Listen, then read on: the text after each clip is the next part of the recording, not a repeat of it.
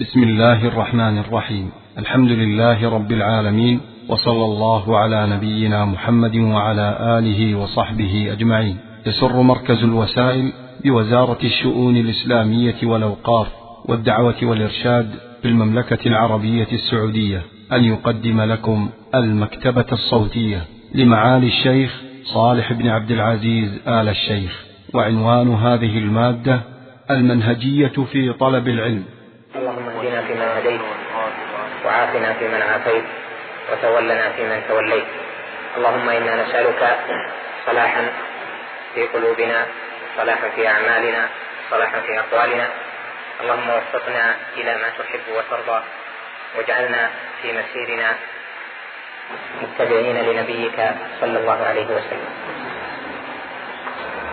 وهذا اليوم أو هذه الليلة نذكر مقدمة مهمة نافعة إن شاء الله تعالى في طريق طلب العلم. والداعي لها أننا نرى إقبالا من الشبيبة بارك الله فيهم ومحبة لطلب العلم. لكن كثيرا منهم لا يعرفون طريق الطلب. كيف يطلب العلم؟ بعضهم يمضي أوقاتا طوال ربما سنوات يمضيها ولا يحصل من العلم ما حصله غيره ممن أنفذ سنوات مثل السنوات مثل السنوات التي أنفذها ذاك. والسبب هو أنه لم ينهج في طلبه للعلم النهج الصحيح.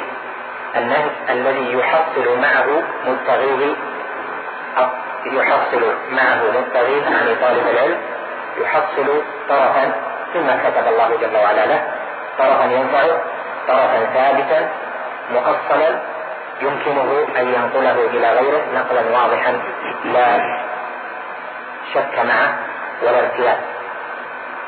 كثير من الشباب يقرؤون قراءات متنوعة تارة في الحديث وتارة في التفسير تارة في الفقه يسمعون ويحضرون مجالس أهل العلم ولكنهم إذا رجعوا إلى أنفسهم فيما في من حضر سنة أو حضر سنتين إذا رجع لنفسه رأى أنه لم يحصل شيئا كثيرا.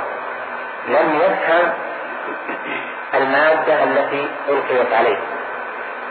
أو لم يؤسس عنده حضوره لم يؤسس عنده علما مؤصلا يمكن معه أن ينطلق ويقيس على منواله وينهج نهجه. والسبب انعدام المنهجية الصحيحة في طلب العلم. لأن طالب العلم لا بد أن يسلك في طلبه منهجا واضحا محددا. إذا لم يسلكه تخلف عن الطريق. ولذلك نرى أن كثيرين ملوا من طلب العلم. سنين أمضوها ثم ملوا وتركوا.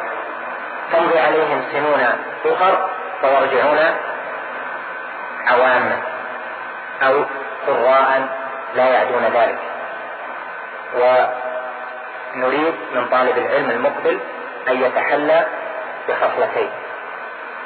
الأولى أن يكون سائرا على منهج الطلب الذي سار عليه من قبلنا من أهل العلم وصاروا علماء بعد مسيرهم. ذلك السير.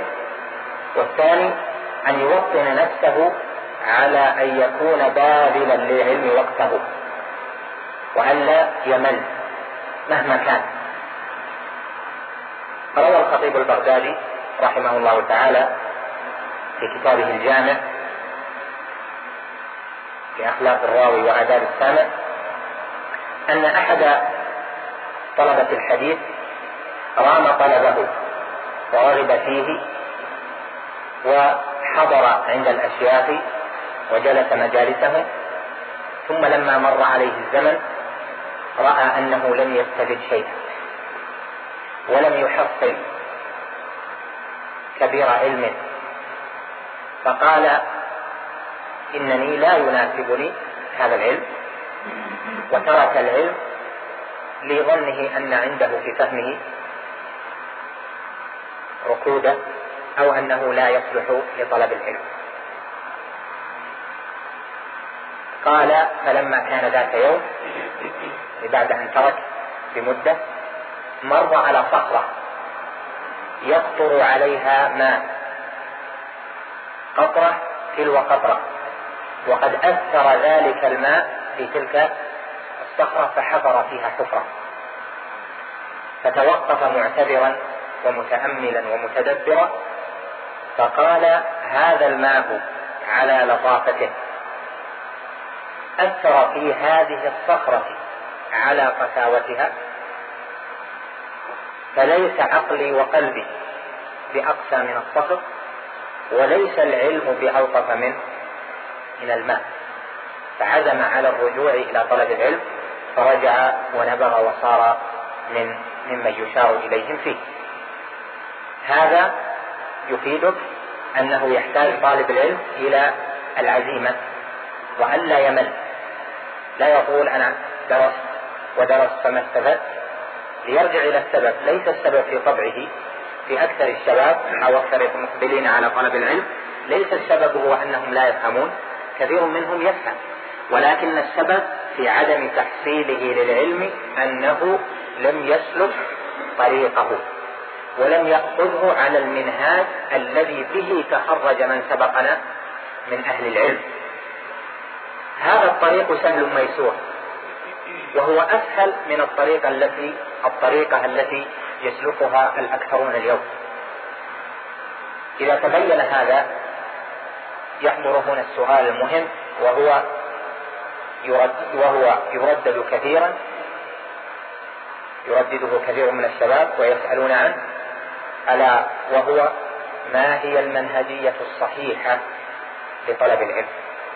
كيف يسير طالب العلم في هذا الطريق على وفق المنهجية التي إذا وفق الله جل وعلا العبد معها صار طالب علم ووفق إلى دراستها. وهو سؤال مهم للغاية. وحضور مجالس العلم مفيد. فوائد جمة ومن أعظمها أن يتخرج طالب العلم منها من تلك الحلق أن يتخرج فاهما لما ألقي عليه ويستطيع به بما فهم أن يفهم غيره.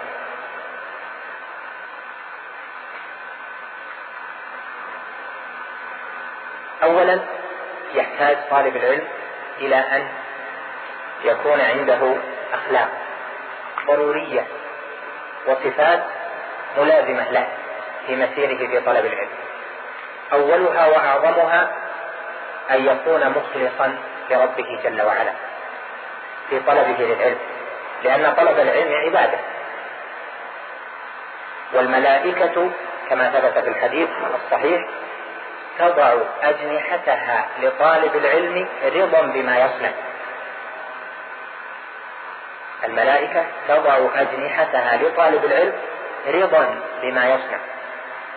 فهذه العبادة لا بد لقبولها ولتوفيق الله جل وعلا لصاحبها أن يكون مخلصا فيها لله جل وعلا. يعني لا يطلب العلم لنيل مرتبة دنيوية.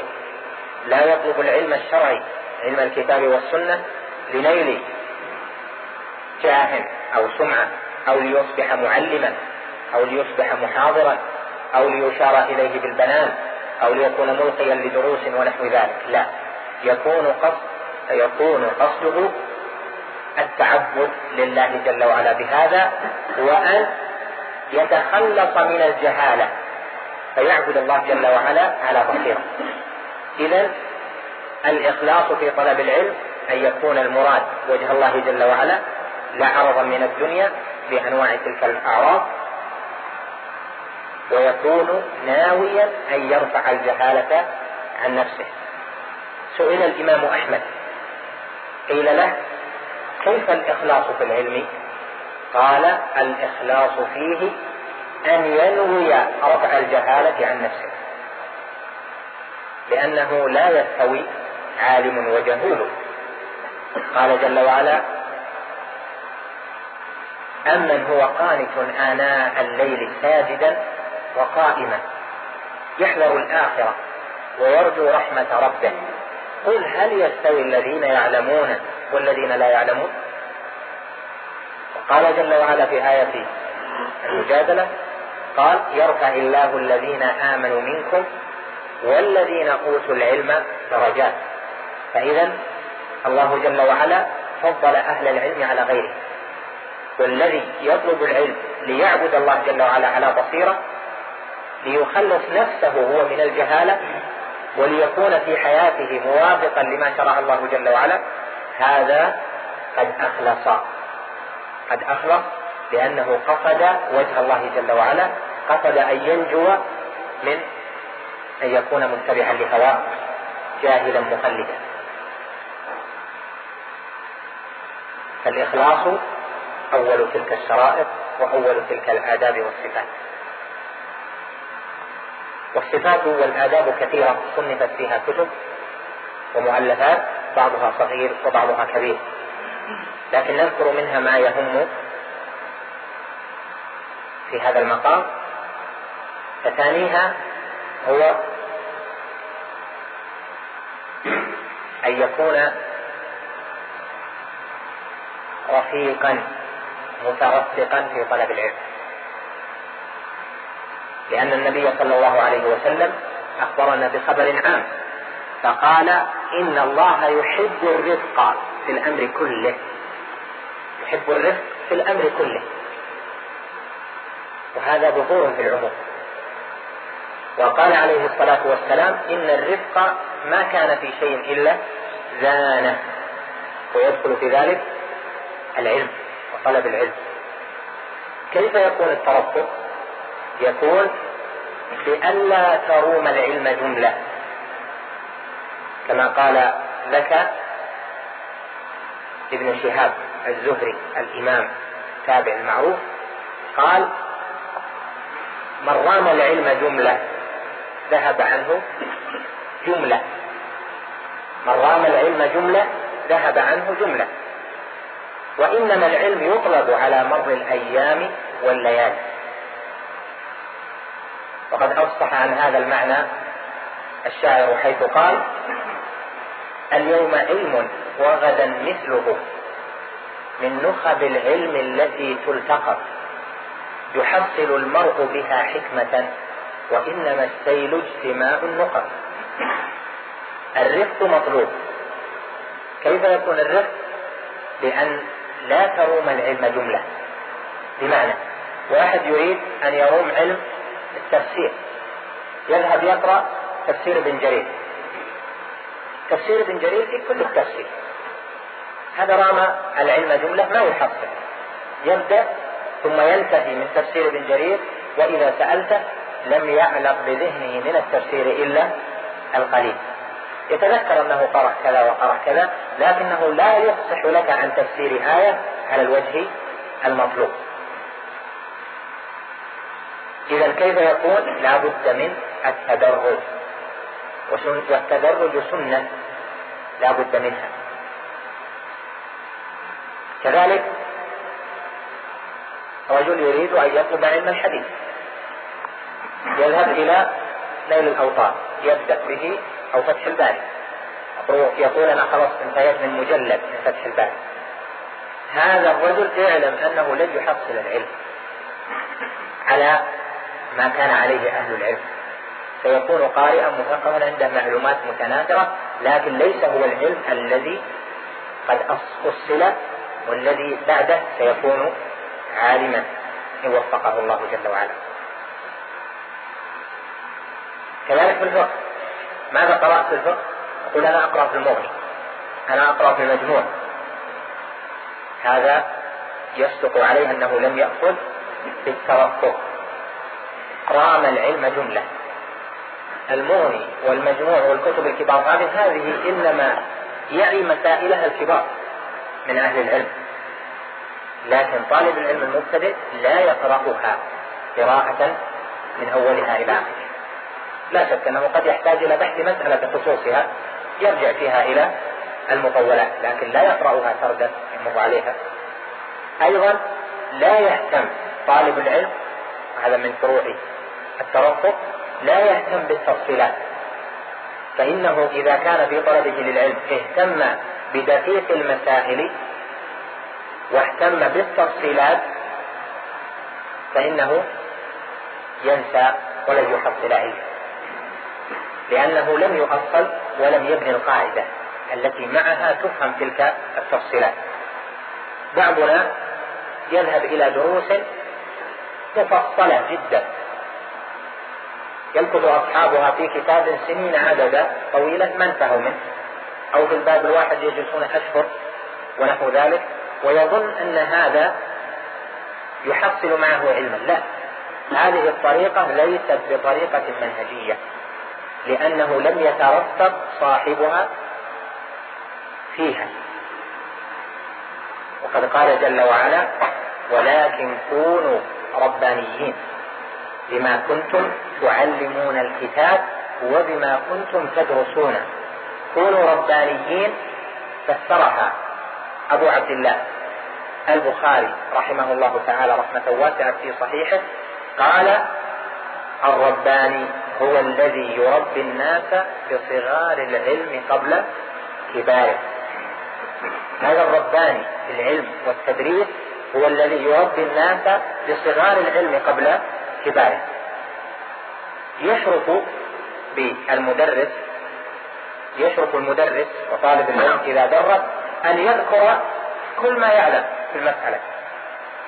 أن يذكر بعد تحضير واسع كل ما وصل إليه تحضيره. لكن هذا شرف له ولكنه ليس بنافع لمن يعلم لأنه هو يستعرض ما علم.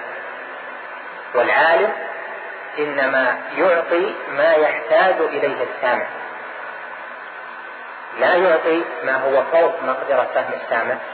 يعطي ما يحتاج إليه السامع. إذا فلا بد من الترفق. كيف يكون الترفق؟ سيأتي جوابه في بيان المنهج الصحيح في التدرج في طلب العلم. الخصلة الثالثة أن يكون مواصلا في طلب العلم. يجعل للعلم أعز أوقاته وأحلاها. لا يجعل للعلم الأوقات الميتة الأوقات التي كل فيها ذهنه وضعف فيها فهمه. يجعلها للعلم يجعلها للدرس. هذا قد خالف وما نصح نفسه.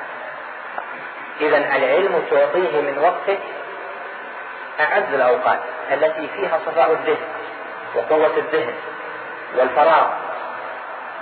وهذا إنما يكون بضميمة أمر آخر ألا وهو أن يكون طالب العلم شغفا بالعلم ليلا ونهارا.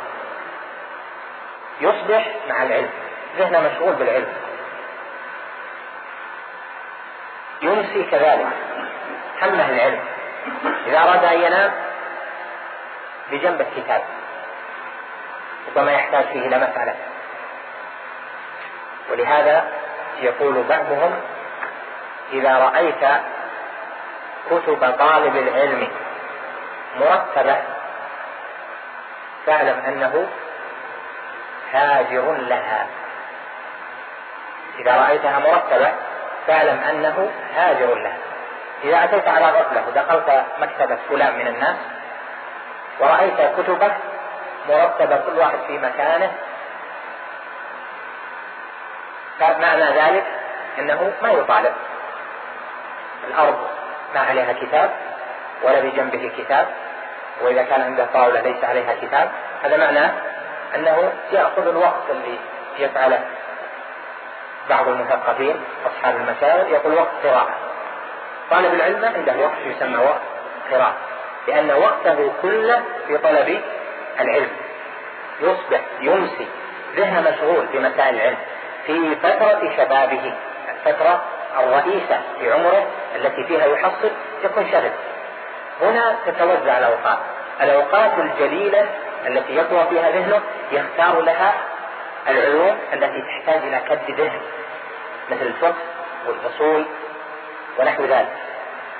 الأوقات المتوسطة يختار فيها العلوم التي لا تحتاج إلى كد ذهن مثل التفسير الحديث المصطلح ونحو ذلك.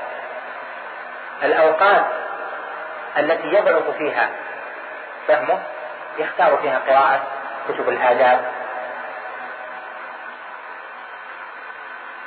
كتب الرجال تراجم الرجال التاريخ ونحو ذلك. الثقافة العامة. إذا هو منشغل دائما. أينما كان منشغل مع طلب العلم. دائما يفكر فيه. لا يسليه عن طلب العلم نزهة ولا صحبة.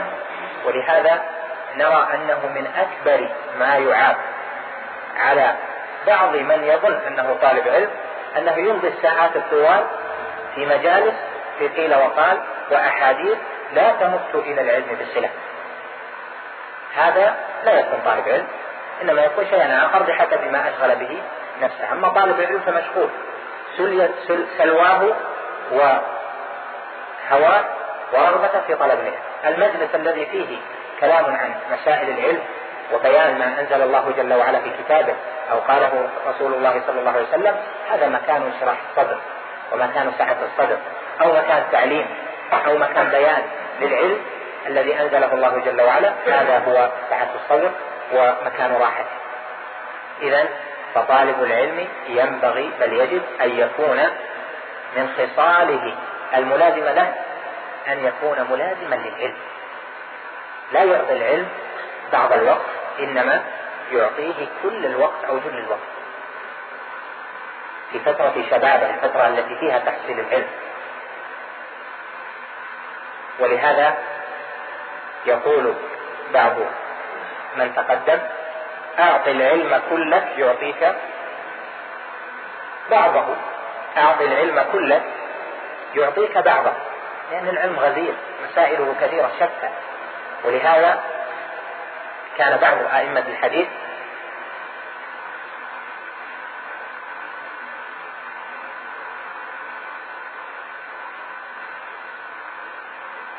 حدث بحديث وهو على فراش الموت. حدث بحديث وهو على فراش الموت. فقال لكاتبه اكتبه. هو على فراش الموت. قال لكاتبه اكتبه. علم حصل في هذه اللحظة هذا يدلك على إخلاصه وعلى متابعته وقلب الشغل بذلك الشيء.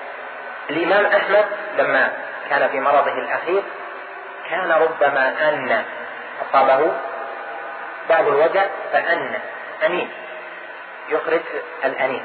فأتى بعض تلامذته فروى له بالإسناد أن محمد بن سيرين مولى أنس بن مالك رضي الله عنه كان يكره الأنين. قال فما سمع أحمد. آنا حتى مات. هذا هذه النفسية لطالب العلم وللعالم هي التي بها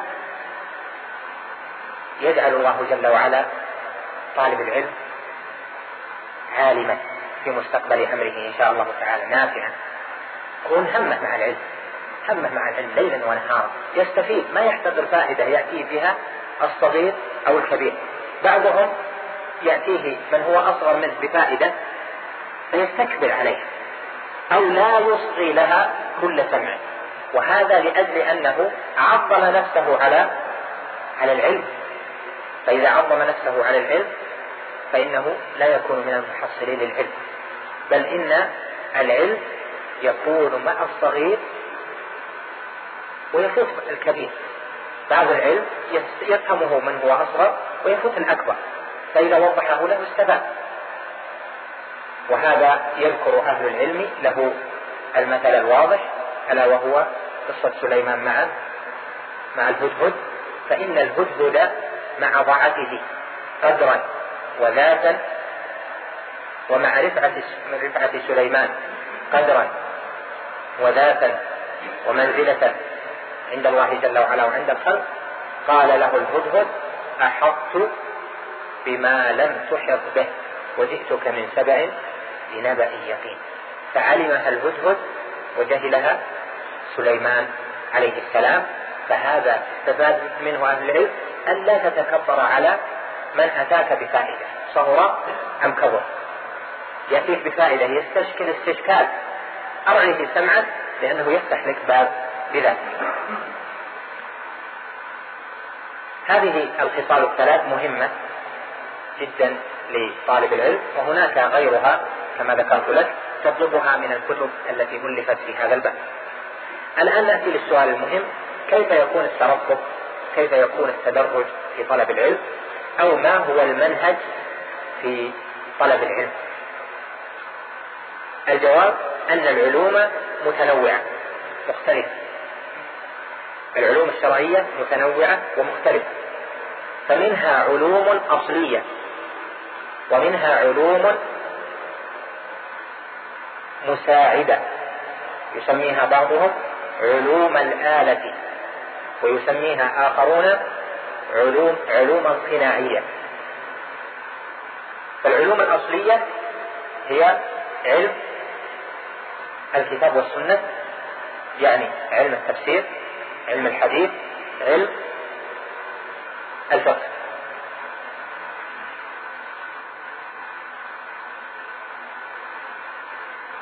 ثم علم التوحيد.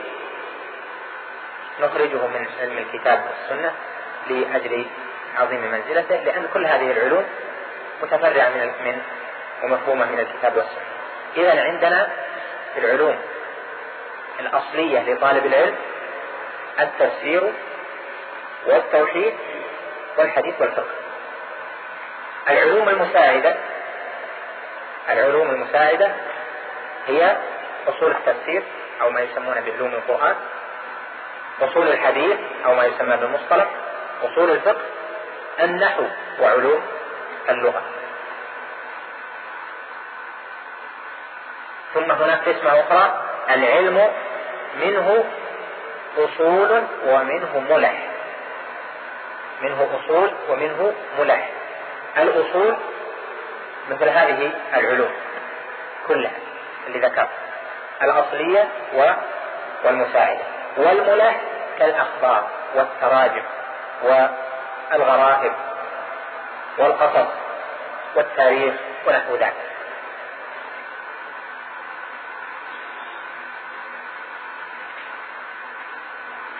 علم التفسير.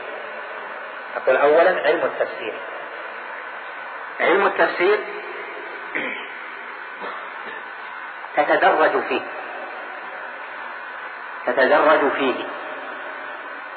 بأن تبدأ بتفسير مختصر جدا. تطلع فيه على معاني كلام الله جل وعلا. وخاصة إذا كنت حافظا للقرآن فإنه يكون من أنفع الأشياء لك. أن تمر على تفسير مختصر. كان العلماء يعتنون بتفسير الجلالين في العصر المتأخرة وهو نافع مفيد لكن تحترم في قراءته على ما فيه من التأويلات. فقد صنفه الجلالان جلال الدين المحلي وجلال الدين السيوطي.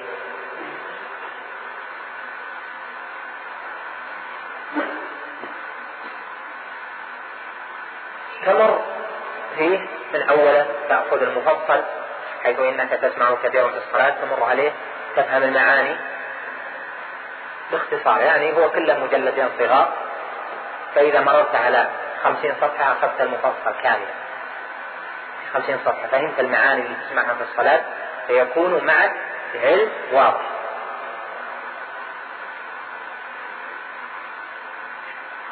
كيف تعرف أنك فهمت التفسير؟ حتى تنتقل إلى غيره. هنا الجواب أن تستطيع أن تفسر السورة على نفسك. مثلا تقرأ سورة والشمس وضحاها فقرأت تفسيرها في الجلالين وفهمته كيف تعلم أنك فهمته تغلق التفسير وتبدأ تفسر على نفسك. فإذا استطعت أن تفسر بصواب وبدون تلفؤ وبوضوح في فهم الآيات عند نفسك فإنك تكون قد درجت. فهمت معناها مع تفسيرها ويمكن أن تنتقل بعدها إلى غيرها. وهذه طريقة يأتي تفصيلها في غير التفسير. هذا أولا تبدأ بتفسير الجلالين. بعد ذلك تنتقل إلى ما هو أعلى منه. مثل تفسير الشيخ بن سعدي أو مثل تفسير البغوي أو ابن كثير أو مختصرات إذا كان هناك مختصرات سالمة من المعارضات فترجع إليه. تكون تمر عليها مرورا تعرف معه المعاني. يكون المعلومات التي فيها التي هي أطول من الجلالين تكون قد أتت ذهنك بعد فهمك لما أورده الجلالان. واضح؟ فإذا أتت المعلومات الأكثر تكون المعلومات الأقل واضحة. يعني استطعت أن تفسر. والشمس وضحاها فسرتها على نفسك. بعد ذلك إذا قرأت ابن كثير إذا قرأت البغوي ونحو ذلك من الكتب التي هي أكبر قليلا. بعد ذلك أنت ستحس من نفسك أنك أدركت أكثر. وهكذا. مع مرور الزمن تحس أنك قد نميت فهمك لكلام الله جل وعلا. التوحيد. التوحيد قسمان. القسم الأول العقيدة العامة. القسم الثاني توحيد العبادة. يعني علم التوحيد الذي ستدرسه إن شاء الله. مو تقسيم لتوحيد المطلوب توحيد الربوبية والألوهية والأسماء والصفات لا. هذا تقسيم للتوحيد من حيث هو علم. العقيدة العامة ألفت فيها كتب منها لمعة الاعتقاد ومنها الواسطية شيخ الإسلام ابن تيمية. ومنها الحموي ومنها حموية ذكر بعض المسائل. ومنها العقيدة الطحاوية. وغير ذلك من ما ذكرت فيه مباحث الاعتقاد كاملة. يعني يذكرون مباحث الاعتقاد كلها كل مباحث الاعتقاد. مثل الإيمان بالله أسمائه وصفاته ربوبيته وما يتعلق بذلك. هو الإيمان بالملائكة الإيمان بالكتب بالرسل باليوم الآخر أحوال القيامة أحوال القبر البعث ما يحصل في عرصات القيامة الجنة والنار القدر وما يتعلق به. ثم يذكرون تفاصيل للاعتقاد مباحث أخرى مثل الكلام في الأولياء كراماتهم مثل الكلام في الصحابة رضوان الله عليهم مثل الكلام في الإمامة. وحقوقها في الأمر بالمعروف والنهي عن المنكر مثل الكلام في الأخلاق ونحوها كما ذكر شيخ الإسلام في آخر الواسطية هذه تسمى عقيدة عامة لأهل السنة والجماعة. هذه تأخذها بالترتيب. تبدأ بكتاب مختصر تقرأه على شيء التفسير لا يحتاج أن تقرأه على على شيء أما يعني إذا أشكل عليك شيء فتل فيه أو عنه. أما التوحيد فلا بد من قراءته تأخذ مختصرا مثل لمعة الاعتقاد. إن حفظتها فحسن وهو المراد. وإن لم يتيسر فكررها حتى تفهم مباحثها. من الأغلاط التي تواجه طلاب العلم أنهم يأخذون كتابا ما استعرضوا مسائله ولا مباحث يعني يحضر يعرف الموضع الذي يحضر فيه عند المعلم.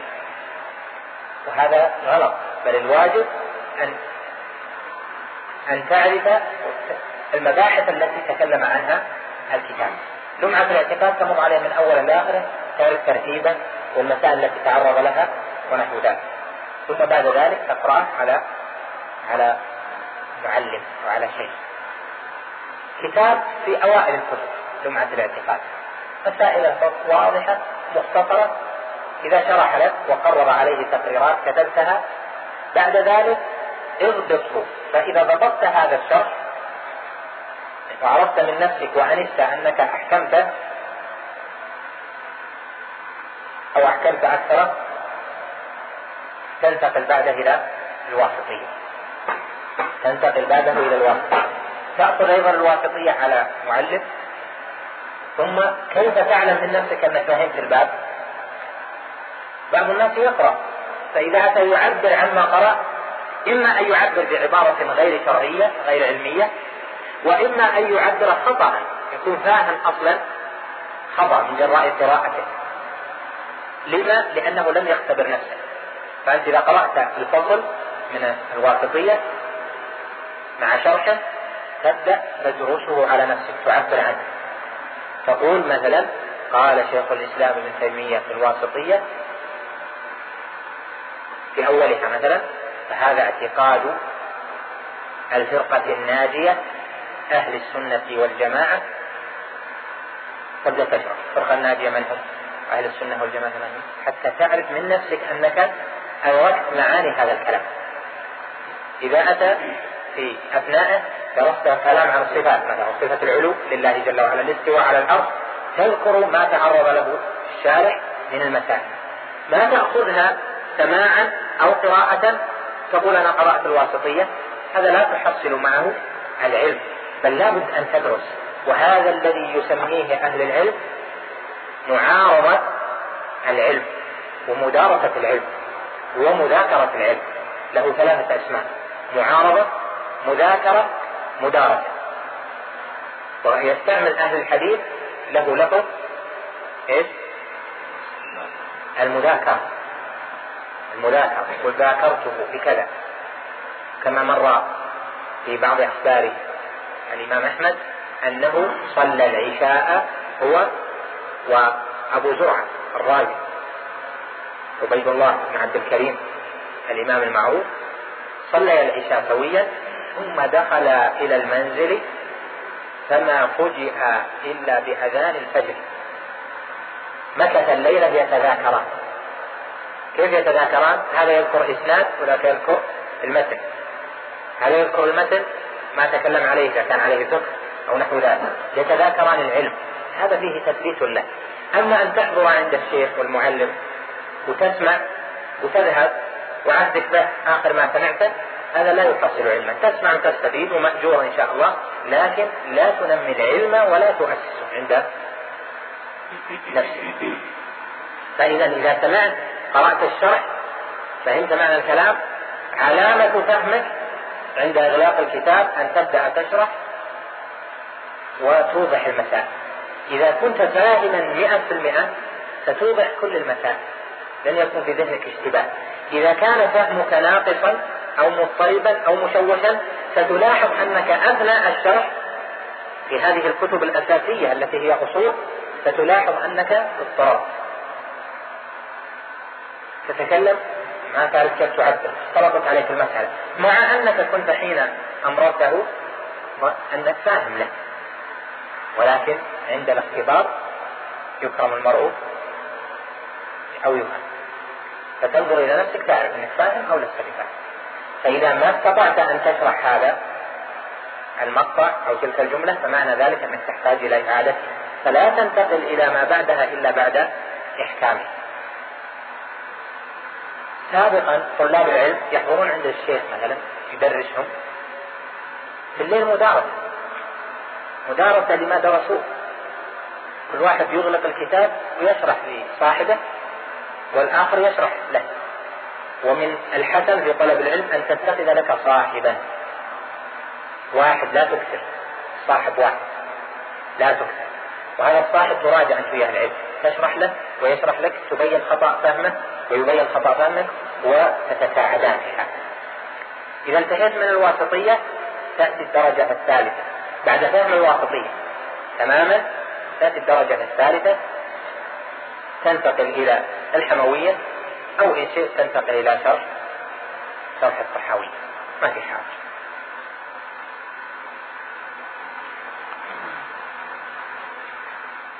تستطيع بعد فهم الواسطية تماما إذا فهمت الواسطية تماما تستطيع أن تأتي لكتب شيخ الإسلام تمر عليها وتفهمها بإذن الله تعالى. لكن من العجب أن يأتي بعض منا ويأتي يفتح الفتاوى ويقرأ فيها. وهو ما أحكم أصول علم الاعتقاد. جايبينهم تعبان كليل ما عنده إلا عشر دقائق ربع ساعه قال خلينا نقرأ في الفتاوى ويفتح ويقرأ ثم بعد ذلك يصبح يجادل في بعض المسائل وهو ما فهمها أصلا. وهذا كثير واجهناه. كثير يأتي ويقول قال شيخ الإسلام كذا واذا راجعت ما وجدت منه الكلام كما فهم. لأجل أنه أعطاه وقت مقتطع ليس بجيد. الثاني لأجل أنه ما عنده أصول تلك المسألة. يعني أصول تلك المسألة ليست ثابتة عنده فيكون فهمه لكلام العلماء ليس بقول. الأعظم من ذلك أن لا يكون أحكم الواسطية أو الحموية أو لمعة الاعتقاد. أحكمها فهما ويذهب إلى كتب السلف كالسنة للإمام أحمد أو الإيمان. للسنة لعبد الله أو كالإيمان لابن مندة أو كالتوحيد لابن خزيمة أو كالتوحيد لابن مندة ونحو ذلك من الكتب الكبار التي ليست المسائل فيها مؤصلة كما أصلت في الكتب المتأخرين. لكن إذا أصلت المسائل ثم ذهبت إلى تلك الكتب فسيكون استدلالك بكلام السلف على أتم وجه وستفهمه على أتم فهم إن شاء الله تعالى. لأن الكلمة من كلام السلف سوف تكون في بالك منوطة بالمسألة التي كانت عندك أصولها في تمام الوضوح. ترتبط الكلمة واضحة عندك. معناها مرادهم بها محتوزاتها ما تحوي. من أمثلة ذلك مثلا الكلمة التي هي في أول لمعة الاعتقاد.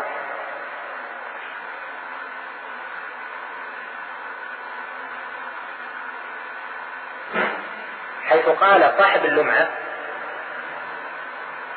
لا قال صاحب اللمعة في أولها أن في الإيمان بالأسماء والصفات قال ولا بلا كيف ولا معنى. بلا كيف ولا معنى. هل يأتيها طالب العلم ولا معنى هذه. إذا ما فهمها على حقيقتها فإنه إذا أتى إلى كتب السلف لن يفهم بعض الكلمات التي جاءت عنه. ولهذا يأتي بعض أشاعرة العصر ومبتدعة العصر فيأخذون بعض كلام الإمام أحمد أو بعض كلام من تقدم على أنه تأويل لبعض النصوص لأجل أنهم لم يفهموا حقيقة المعنى. لكن إذا فهمت معنى قوله لا كيف ولا معنى وأن المعنى المراد في قول صاحب اللمعة ولا معنى هو المعنى المؤول المعنى الذي حرف النص إليه. المبتدعة فهمت معنى كثير من كلام من تقدم. وهكذا مسائل الإيمان مسائل القدر. مسائل القدر لا يمكن أن تفهم كل كلام السلف ما لم تكن العقيدة واضحة عندك كما وضحها المتأخرون من أئمة السنة والجماعة. أن يكون عندك اشتباه كذلك كتب السنة المختلفة.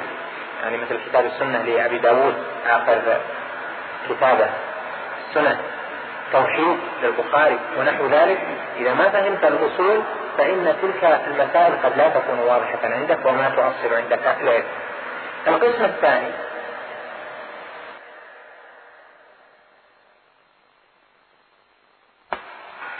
وهذا لا شك أنه خروج بكتب أهل العلم عما ينبغي لها.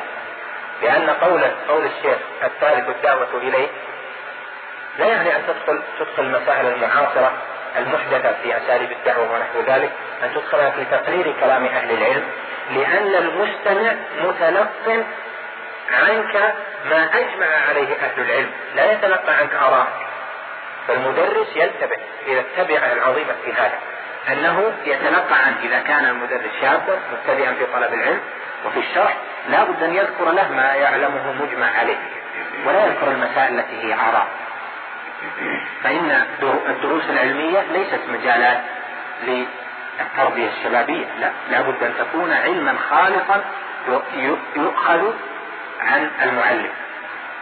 إذا فتنتبه لهذه الكتب أن تأخذها ممن تحققها وأنصح ثم أنصح أن تحرصوا ثم تحرصوا. على علمائنا الكبار لأن عندهم من العلم ما ليس عند غيرهم. فإن لم يكن عندك من الوقت ما يناسب أوقاتهم ونحو ذلك فلا بأس أن تلحق بغيرهم من طلبة العلم منهم على شاكلتنا ولكن بشروطه المعتبرة. الثالث الحديث.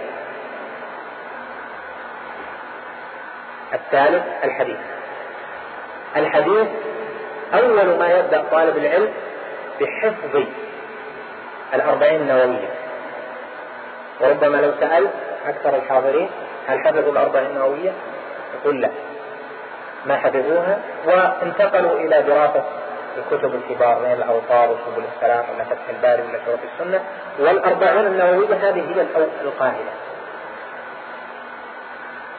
ارجعكم إلى شيء إلى إلى الكتب التي ترجم فيها مؤلفوها لأهل العلم. كتب التي كتب التراث التي ترجم فيها العلم. انظر واقرأ.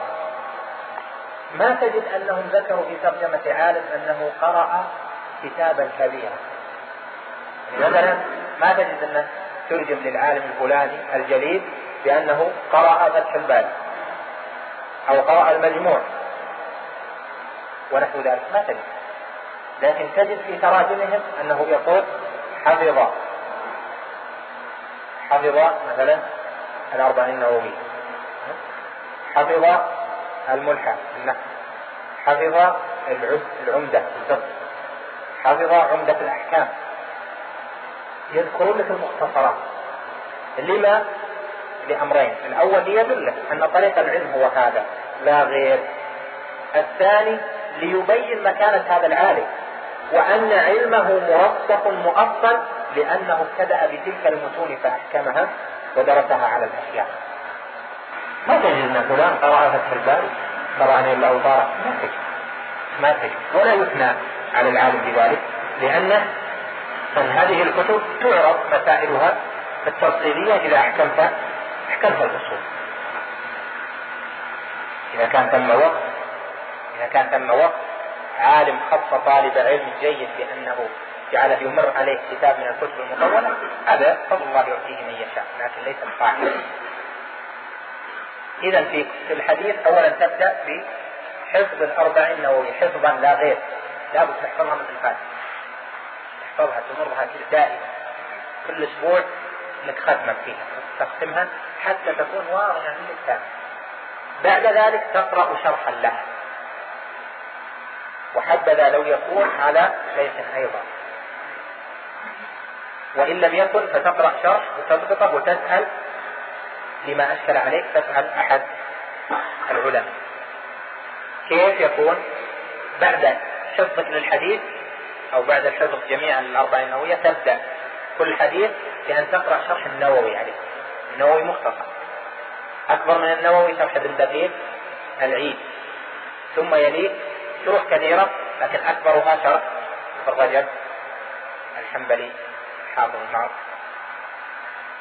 تقرأ شرح النووي فإذا قرأته على حديث إنما الأعمال بالنيات تغلق الأرض خلاص لا الشرح تبدأ تشرح الحديث.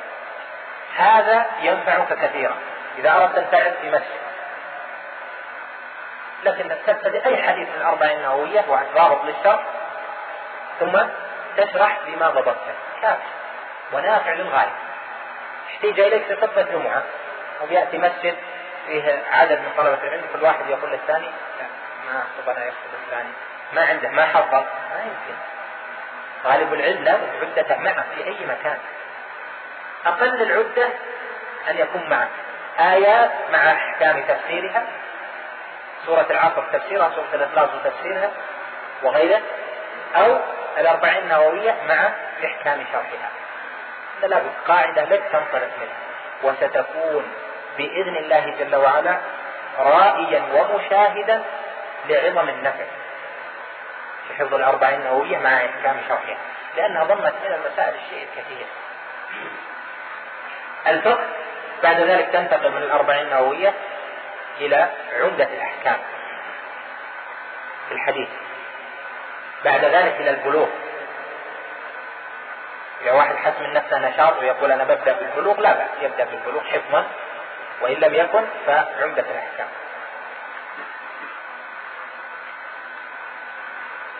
بعد البلوغ يقف فرق إذا يكون منا من يقف عند البلوغ نعم.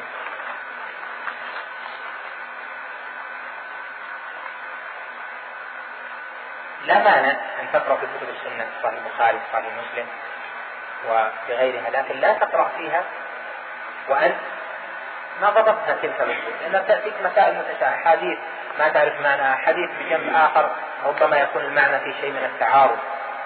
المسائل الفقهية المستنبطة منها ربما تعز عليه ونحو ذلك. الفقه.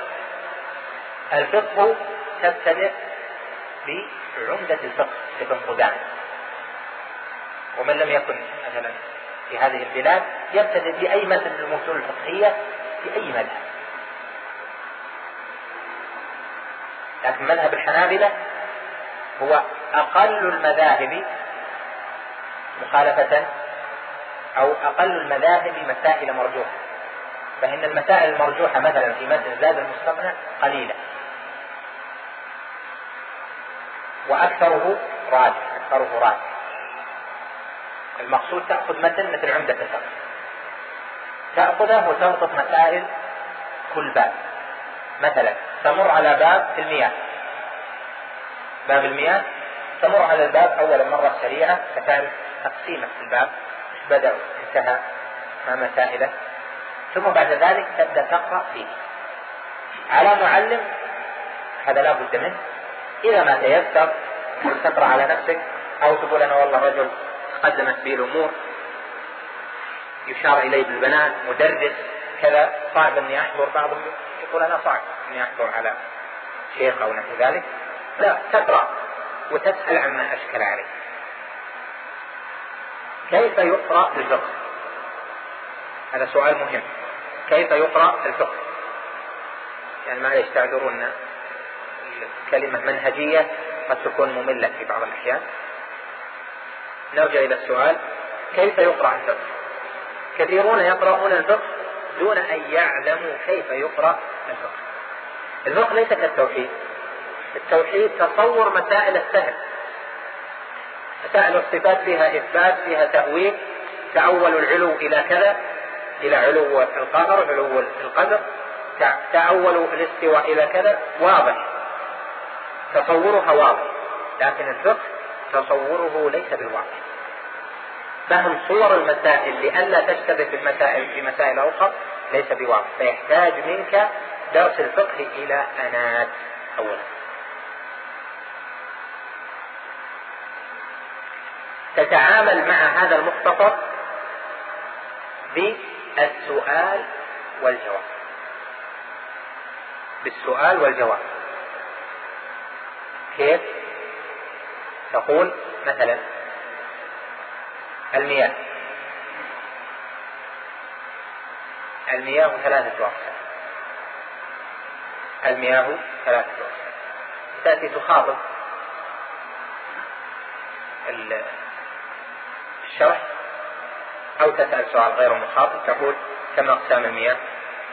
أقسام المياه ثلاثة. الأول هو الطهور ما تعريفه؟ يأتي. تلاحظ أنك في هذه الأسئلة إذا مرنت يكون الجواب بعد سؤال ما تعريفه؟ هو الماء الباقي على أصل خلقته أو كما يقول غيره هو الطاهر في نفسه المطهر لغيره. إذا سألت وهو أجاب. تعاملت مع كتاب الفقه كأنه معلم. تسأل أنت وهو يجيب. تسأل وهو يجيب. إذا أتى احتراز أو إذا أتى شرط تسأل بالأسئلة المناسبة. تقول مثلا مطلقا إذا قال الماء الباقي على أصل خلقته. تسأل تقول مطلقا هو يجيب. يذكر لك الحالات. هل خالطه ممازج غير ممازج هل إلى آخره تبدأ أن تسأل وتقسم. تسأل وتقسم. تسأل وتقسم. والعلم في الفقه إنما هو بشيئين. أولا التصور ثانيا بالتقاسيم. تطور المسألة ثانيا بالتقاسيم. أنفع شيء لك في الفقه التقسيم. تقول هذه تنقسم إلى كذا وكذا.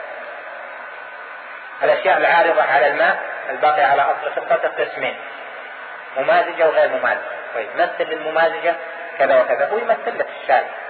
يعني نفس الماتن اللي كان قدامك في العمدة يمثل لك هو. بس أنت اسأل وهو تجد التمثيل امامك تجده ممثل. انتهيت من أول قسم الماء الطهور. لا تهتم في درس الفقه بالراجح بالدليل. لا لا تهتم هذه لا لأنك ما يراد منك أن تكون مفتيا. اللي يهتم بالراجح وبالدليل هو المفتي. إنما أنت الآن متعلم. يراد من درسك الفقه أن تتصور المسائل الفقهية وتفهم تعبير أهل العلم في الفقه مثلا مختصر الزاد زاد تعرفون الصغير يحوي ثلاثين ألف مسألة. كيف كل واحدة نعرفها بدليلها؟ وراجح مرجوح نكون ما أمضينا ما فهمنا الزاد. ولذلك الآن قليل من شرح الزاد من العلماء. لأن الطريقة للشرح الطريقة اللي كان يستعملها العلماء السابقون والتي نفعت أهل نفعت الطلاب وأخرجتهم أهل العلم ليست هي الموجودة. الآن تفصيلات وتعليلات تفصيلات. تعليلات يطول الكلام في مسألة واحدة ولا يراد من طالب العلم أن يتصور في المسألة كل ما قيل عنها. إنما تتصور شيء. المسألة وحكمها بناء على هذا المذهب. إذا صار عندك انتهيت الآن من القسم الأول من أقسام المياه تغلق الكتاب بنفس الطريقة. تأتي تعيد. تعيد هذا القسم وتشرح. تلاحظ إذا كان فهمك مشرقا تلحظ من نفسك وإذا كان فهمك مغربا فتلحظ من نفسك وشتان بين مشرق ومغرب. صارت مشرقة وصرت مغربا شتان بين مشرق ومغرب. تعيد. إذا حسيت أنك مثلا تعيد تسأل أهل العلم ونحو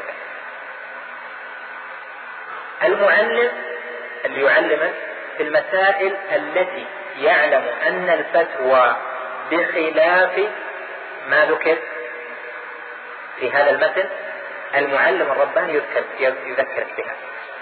يقول هذا هو الفتوى على خلاف القول الراجح هو كذا. ليس القول الراجح في كل مسألة بما يترجح للمعلم لا. لكن القول الراجح بما عليه المفتون الذين يفتون من أهل العلم الكبار. يربط بين كتاب الفقه وبين وبين الفتوى. يجعل في صلة عندك بين هذا وهذا. كان أهل العلم عندنا في التدريس تدريس الذات يذكرون الأشياء التالية. كانوا يهتمون بالذات. العمدة هذه إنما لأجل ضعف الهمم نذكرها ولا الأصل هو بداية الذات يذكرون أولا صورة المسألة حكمها حكمها يعني بناء على ما ذكره صاحب الكتاب. هل لشيخ الإسلام ابن تيمية أو تلميذه ابن القيم أو أحد من أئمة الدعوة هل له اختيار مخالف؟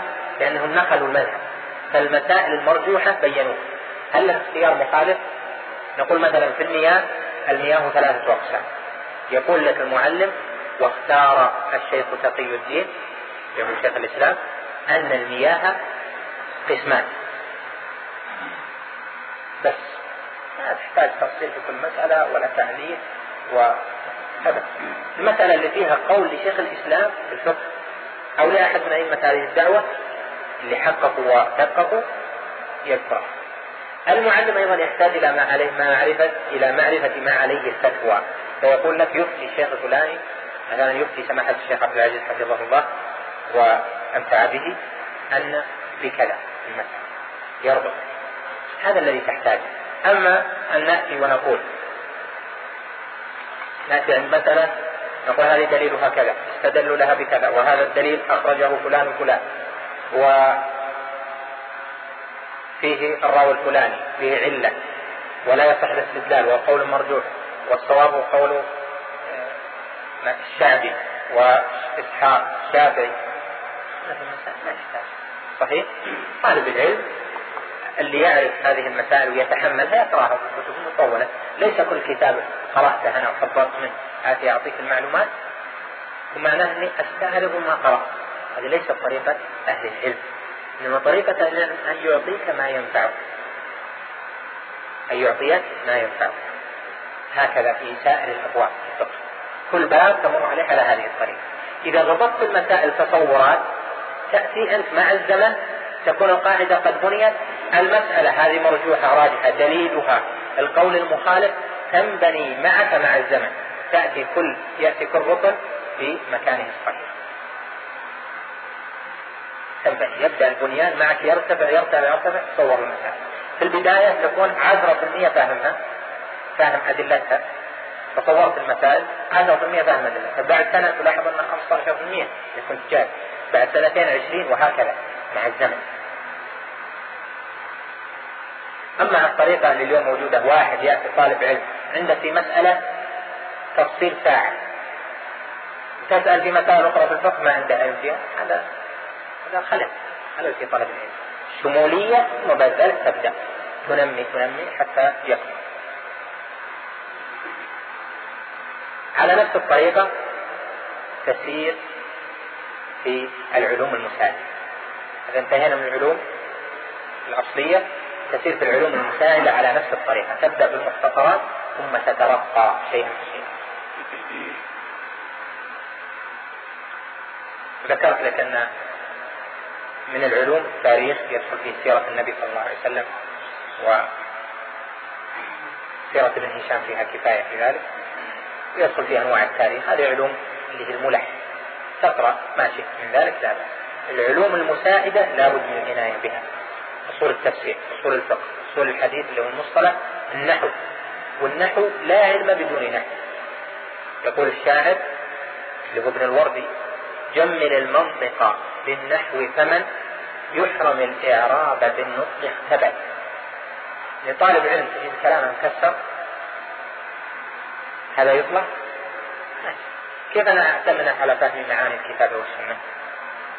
وهو لا يفهم النحو ما هو محتمل في الواقع لأنه بيكون مقلد ينقل لكن يأتيني بمسائل أو عبارة أصلا عربية ليست بجيدة ما يفهم اللسان العربي. هذا لا شك أنه خلل لابد من عناية بالنحو. والنحو عمدته الإعراب. تقرأ على شيخ ثم تعرب ما شئت. أي شيء قابلك أعرفه تقرأ خبر في الجريدة أعرفه سورة تقرأ من القرآن أعرف حديث أعرف هذا خلقك يعني يبين النحو عندك طلاسم وإلا بديت تشارك. كان العلماء الآن كبار العلماء كان يأتي ويسأل في الإعراب. لابد في مجلس أهل العلم اللي يدرس فيه النحو والعلوم الأخرى لابد يسأل ما إعرابه قوله تعالى كذا؟ إعراب الجملة الفلانية. ينشطون مع الإعراب. إذا ترقوا وكانوا حفظوا الألفية فيأتي بالإعراب بالدليل. يأتي بالإعراب وبالدليل. مثلا يقول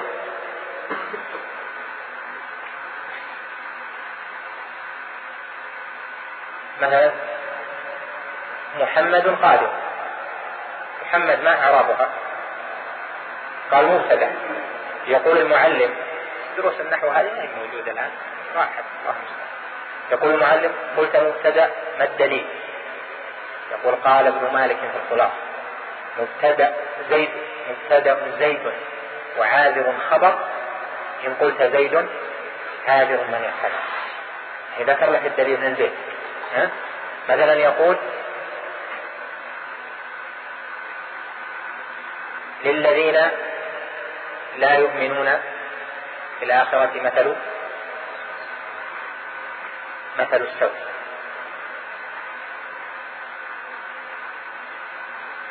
مثلا هنا يقول اسم موصول. الذين اسم موصول صحيح؟ لا بد له في صلته من عائد يعود إليه. أين العائد؟ يقول للطالب العائد محذوف. يسأل المعلم ما الدليل؟ يقول قول ابن مالك في عائد متصل إن انتصر. والحذف عندهم كثير منجلي في عائد متصل إن انتصر إلى آخر. الحذف عندهم كثير منجلي هذا الشطر شطر بيت ثم صدر البيت اللي بعده في عائد متصل إن انتصر.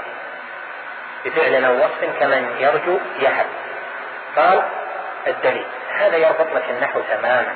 لكن هذه الطريقة ليست موجودة الآن المقصود من هذا نختم الدرس بالوصية بالجد في طلب العلم. وأن تحرصوا على المنهجية. والأمة اليوم بحاجة إلى علماء إلى طلاب علم. لأن أين الموجهون؟ يوجهون الناس بالآراء بالأفكار بالثقافات بالمفاهيم؟ لا. إنما يوجه بالعلم علم الراسخ تقول يستحضر دليله يفهم أصول المسألة وكلام أهل العلم عليها حتى يسير الناس على بينة. ونحن بحاجة إلى طلاب العلم اليوم.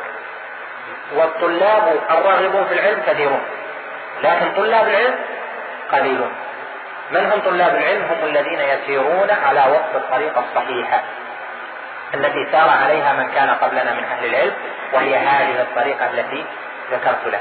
فإن أنت طبقتها فستكون منتفعا بإذن الله أكبر الاستفادة تحس بنفسك في سنة أنك تغيرت تغير واضح. وأحسنت من نفسك أنك طالب علم بدأت تفهم وإن أهملت وحضرت ورحت وجيت وما أصلت فإنك ستحرم بقدر ما أخللت بذلك. أسأل الله أن ينور قلبي وقلوبكم بالهدى والاستقامة وأن يجعلنا من طلبة العلم الذين يخشونه وأن يجعلنا للناس أئمة هدى يرشدون من ضل إلى الهدى ويحيون بكتاب الله الموتى. وأسأله لكل واحد حاضر معنا أن يكتب الله جل وعلا له خير خاتمة في حياته وأن ييسر لنا الخير أينما كنا وأن لا يكلنا لأنفسنا طرفة عين. وأن يأخذ بأيدينا إلى كل عمل أو قول يحبه ويرضاه. إنه ولي ذلك والقادر عليه. وسبحان ربك رب العزة عما يصفون. وسلام على المرسلين. الحمد لله رب العالمين. صلى الله وسلم على نبينا محمد وعلى آله وصحبه. مع تحيات مركز الوسائل بوزارة الشؤون الإسلامية والأوقاف والدعوة والإرشاد بالمملكة العربية السعودية.